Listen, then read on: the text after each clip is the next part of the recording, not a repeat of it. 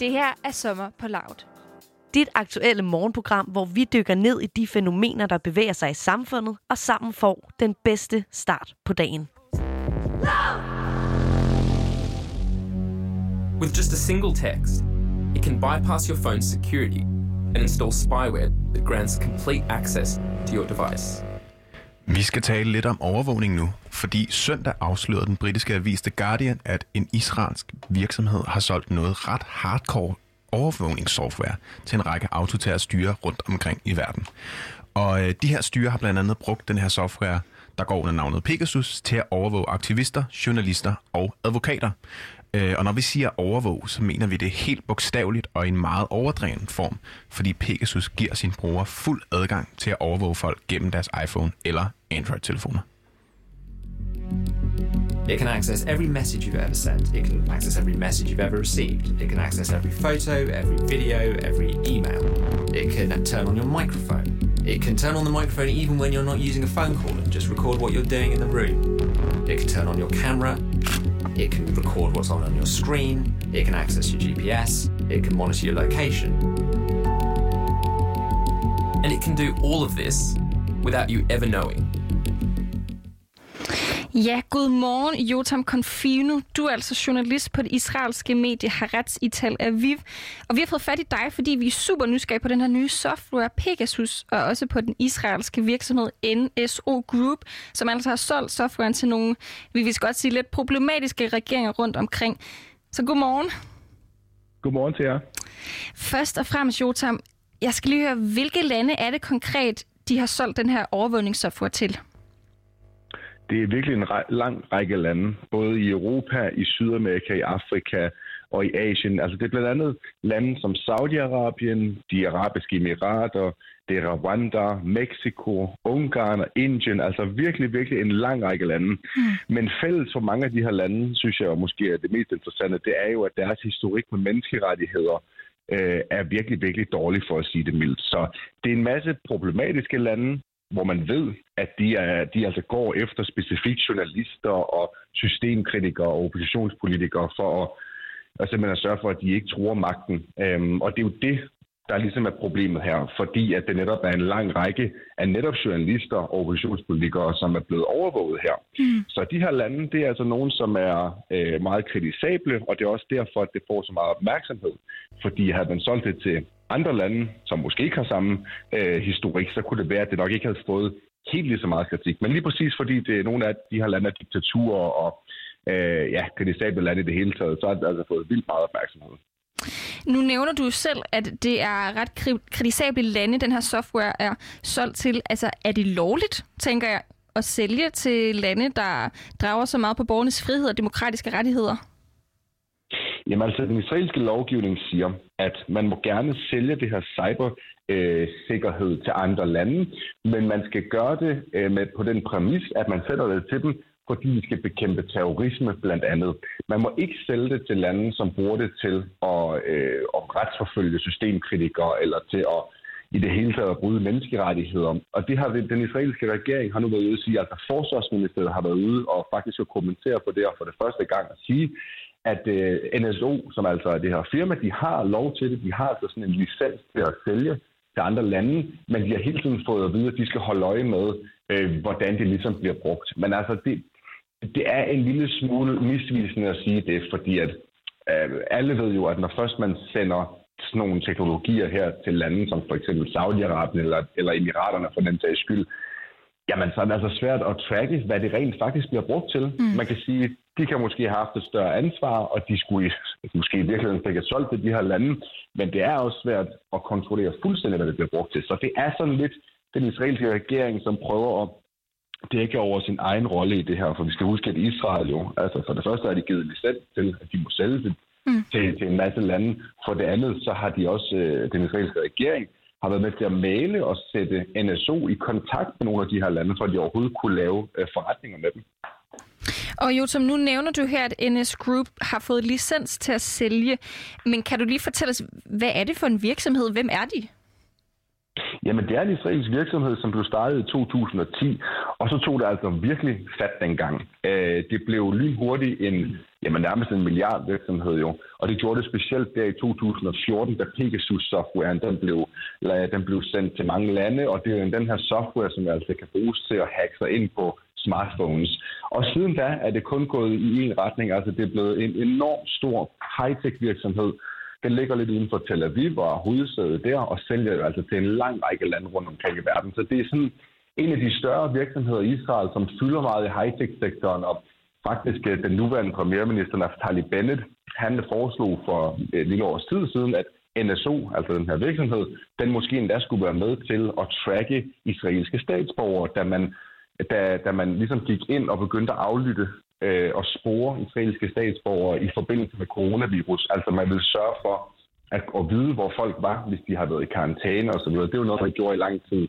i Israel. Det endte så med, at det var Sikkerhedstjenesten, der tog den opgave på sig, men det er en etableret virksomhed. Det er en, som alle kender til, men det er klart, dens renommé de sidste par år specielt har virkelig lidt og har virkelig fået dårlig omdømme på grund af de her mange sager. Det er jo ikke første gang, at øh, de her afsløringer kommer frem. Det har vi set flere gange. Helt tilbage i 2016 startede de her afsløringer med at komme frem om, at NSO har, NSO har solgt øh, de, det her Pegasus software til alle mulige forskellige lande, som så er blevet misbrugt. Ja, og nu handler det jo om altså Pegasus softwaren her. Sådan, er den helt lovlig, for jeg har lyst til at spørge om? Jamen, det er den jo. Altså, øh, I hvert fald i Israel jo. Altså, det er klart, at hver eneste land har jo deres egen lov, men når du begynder at forhandle mellem lande, så er der nogle forskellige, øh, nogle forskellige internationale lovgivninger, som træder i kraft. Men igen, øh, Israel siger jo, at jamen, så længe man sælger øh, sådan en slags software her til andre lande, og det skal bruges til for eksempel at bekæmpe, bekæmpe terror, jamen så er det lovligt. Mm. Så software i sig selv er som sådan lovligt, det siger Israel i hvert fald, Øh, men det er, hvordan man bruger den. Det er ligesom der, at det skiller, hvorvidt den er ulovlig eller ej. Vi skal huske på, at langt de fleste efterretningstjenester i verden bruger jo deres egen overvågningsteknik og noget lignende. Måske ikke helt det samme som Pegasus, men lignende software til at, at overvåge borgere i forbindelse med terrorisme. Amerikanerne gør det jo i høj grad, det ved vi. Øh, jeg skal så også lige så sige, at britterne har jo faktisk også solgt en masse forskellige overvågningsudstyr. Den britiske regering har altså godkendt en masse forskellige overvågningsudstyr, som er blevet solgt til nogle af de samme lande. Så det er altså et, et problem, som ikke bare lige hører NSO til, men som er et verden, verdensomspændende problem, netop fordi der er så mange penge i det her cyberovervågning. Og nu nævner du her, at NSO Group har fået licens til at sælge Pegasus. Hvad er det sådan helt officielt, de går ud og siger, at den her software skal bruges til?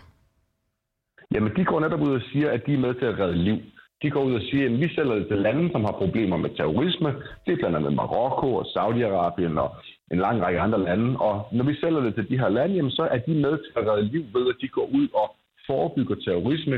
De overvåger øh, de her kriminelle og de her terrorister, som er i gang med at udføre kriminelle handlinger. Mm. Og det er det, deres formål er. Men det er klart, det er deres officielle øh, forklaringer. De siger selv, for det første har de ikke lyst til at sige, præcis hvilke lande de sælger det til. Det, det, det, det vedkommer egentlig ikke offentligheden.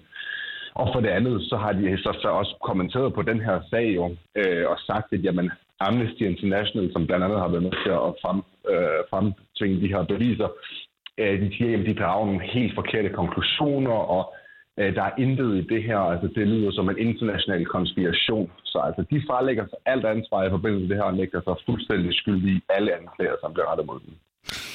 Ja, men der er jo anklager, så lad os lige kigge nærmere på det her misbrug, der altså er bevist har fundet sted her med overvågningssoftwaren. For Pegasus er jo tydeligvis ikke kun brugt mod kriminelle terrorister. Hvilke markante eksempler er der på det her misbrug af Pegasus? Jeg tror altså, det er nok det mest kendte eksempel, vi kender. Det er jo øh, den saudiske journalist Jamal Khashoggi, som blev øh, slået ihjel i det saudiske konsulat i Istanbul øh, for år tilbage. Det er, der er i hvert fald rigtig meget, der tyder på, at de har brugt softwaren både mod ham, men altså man ved specifikt, at de har overvåget hans kone, altså hans forlovede, og en af hans bedste venner. Så de har jo vidst, hvor han har været han, De har vidst, en masse om ham. Øh, han var jo en systemkritiker, og han var jo meget, meget kritisk over for kongefamilien, og endte så også med at blive slået ihjel, og alt tyder på, at det er den saudiske kongefamilie, som står bag det her. Det er måske det mest øh, kendte eksempel på det. Så er der også andre eksempler på mindre kendte eksempler, men det er jo de specielle journalister i lande som Mexico, hvor journalister har forsøgt at afsløre øh, korruption i regeringen. Der var blandt andet også på et tidspunkt, hvor en masse studerende lige pludselig forsvandt, hvor man så senere hen fandt ud af, at de var blevet slået ihjel. Og det, øh, det var en, en af journalisterne, der, der forsøgte ligesom at grave det her frem, og han blev chikaneret og truet, og altså endte jo også med at egentlig at skulle, skulle i fængsel og så videre. Og det, det samme har man set i for eksempel Azerbaijan. Det er typisk de her lande, hvor at man jo har meget, meget lidt respekt for menneskerettigheder mm. og meget, meget lidt respekt for journalister. Azerbaijan har man set lignende eksempler på en kvindelig journalist, som også er blevet chikaneret og blevet tæsket til en demonstration, og hun var også overvåget øh, af lige præcis det her Pegasus software. Og så i Ungarn, som er sådan et helt tredje land, men som jo heller ikke har en god historik, når det kommer til lige præcis øh, ytringsfrihed og så videre. Der er oppositionspolitikere blevet overvåget, og de er jo virkelig reageret hårdt på det her. Altså har været ude at sige, at det her det skal undersøges med det samme, og der skal nedlægges en, en komité, som kan komme sagen til, til bunds. Mm. Og NSO Group, hvad er deres udtalelse til de her hændelser? For jeg tænker, de må da have set den komme, når de sælger Pegasus til lande som dem her. Jamen, de siger jo, at altså, øh, vores, vores øh, ansvar er selvfølgelig at sørge for, at det ikke bliver misbrugt, og det gør vi også i høj grad. Og de siger også selv, at de nogle gange har måttet trække de her Pegasus-software tilbage eller annullere deres kontrakter, hvis de har fundet frem til, at der er foregået noget kriminelt. Men lige præcis i den her sag, der nægter de sig jo fuldstændig skyldige. Altså, og de siger jo, jamen, øh, det er en international konspiration. Og øhm, de vil, men, men altså, det, det, der er jo problematisk her, det er, at de vil jo ikke erkende og, eller afsløre, hvilke lande de sælger det til. Så når den her, den her rapport den kommer, hvor man nævner en lang række lande, jamen så vil det være lige hurtigt og smart af dem. Hvis nu det ikke passer, så kan man sige, jamen øh, det passer ikke, fordi vi har en liste her med de her lande, og halvdelen af dem, vi nævner, har vi slet ikke haft noget at gøre med. Det kunne man jo gøre, men de har så valgt at lave den her totale afvisning, hvor man bare udsender en officiel øh, meddelelse, der siger, jamen øh, der, der er intet i det her, der er forkerte konklusioner, og I har ikke nok oplysninger omkring det her til at kunne, kunne drage nogle konklusioner. Mm. Jotam, NSO Group er jo israelsk. Har det noget med den, den israelske stat at gøre? Jamen altså, den israelske stat har jo på en måde øh, formidlet kontakten, og det har den mellem NSO og andre lande, og det er specielt i golfen, altså i den arabiske golf, hvor at, øh, den israelske regering har været med til at sætte dem i kontakt med regeringer, fordi det netop er en, en milliardvirksomhed, der bringer utrolig mange penge øh, ind til Israel, og så er det jo også, vi også huske, at, at den israelske regering jo inden for det seneste år har lavet nogle normaliseringsaftaler med blandt andet Marokko og, og med Emiraterne og Bahrain og, og nogle af de her lande jo, som så også har fået noget til gengæld. Og det er jo, kan man sige, det er svært at bevise, at det her har været en af præmisserne, men der er noget, der tyder på, at de her lande jo har gjort brug af blandt andet israelsk teknologi fra NSO. Mm. Så man kan sige, har der været noget i dem for at gå ud og lave normaliseringsaftaler med Israel andet end det diplomatiske? Ja, det kan man, det kan man jo så sige. Det, det er der noget, der tyder på, hvis de har fået lov til at købe israelsk teknologi til at kunne, øh, kunne slå ned på deres systemkritikere osv. Så, så den israelske regering har ikke direkte solgt noget som helst, eller har ikke direkte været inde over det her, men altså, de har jo formidlet kontakten, og så også givet dem licensen til at kunne sælge sig. De har jo selvfølgelig et eller andet form for ansvar her. Hvad er reaktionen så i Israel på NSO Group? Jamen det er klart, øh, nu skal vi lige huske på, at i Israel, der fokuserer man rigtig meget på coronavirus lige nu igen, fordi det er fremme, så øh, i medierne har det fået relativt meget opmærksomhed. Den avis, jeg skriver for, har blandt andet været med til også at afsløre nogle af de her ting. Politikerne har ikke rigtig noget at kommentere på det nu. Det er Forsvarsministeriet, som har taget det på sig og skulle håndtere den her sag, netop fordi det er dem, som øh, udleverer licenser til til øh, lige præcis NSO. Og, og de har jo så været ude at sige, at hvis, der, hvis det her det er rigtigt, altså hvis, hvis den her sag har noget på sig, jamen så er det alvorligt, og så skal det undersøges. Og det vil få konsekvenser også, siger man. Mm. Hvad det så er, det ved man jo selvfølgelig ikke. Men de siger selv, at NSO har et ansvar over for at følge det her udstyr til dørs, og sørge for, at det ikke bliver misbrugt, og at det ikke bliver, øh, kommer i hænderne på nogen, som gerne vil for eksempel forfølge journalister osv. Så, så de prøver at, at frelægge sig ansvaret her jo, og så sige, at øh, vi skal nok handle, hvis det viser sig, at der er noget i det her. Jo, som her til sidst, så ved jeg jo, at personer i EU også er blevet overvåget. Kommer det til at få konsekvenser, og bliver der slået ned på den her virksomhed i EU? Jamen, det bliver jo interessant at se, fordi at øh, EU-kommissæren har jo ude at sige, at det her det er vildt alvorligt, og det er jo noget, som skal have konsekvenser. FN's højkommissær for menneskerettigheder også ude og sige, at det er fuldstændig vanvittigt, at det her det for, forekommer, men de har også sagt, at det er jo ikke, altså NSO kan være et eksempel på det seneste i, i den her store øh, business, som det jo er, altså det her overvågningsudstyr, der bliver sendt frem og tilbage, men det er ikke den eneste virksomhed.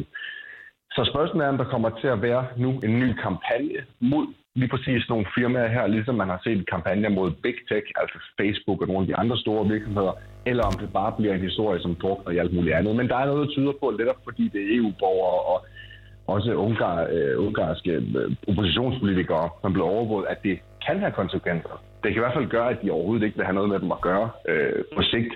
Men igen, når NSO sælger til, til lande som Saudi-Arabien og Mexico osv., kan det jo godt være, at de kan undgå europæiske klienter alligevel i sidste ende. Mm. Du skal have tusind tak, Jotam Konfino, journalist på det israelske medie Haaretz i Tel Aviv. Du må have en god dag. I lige måde.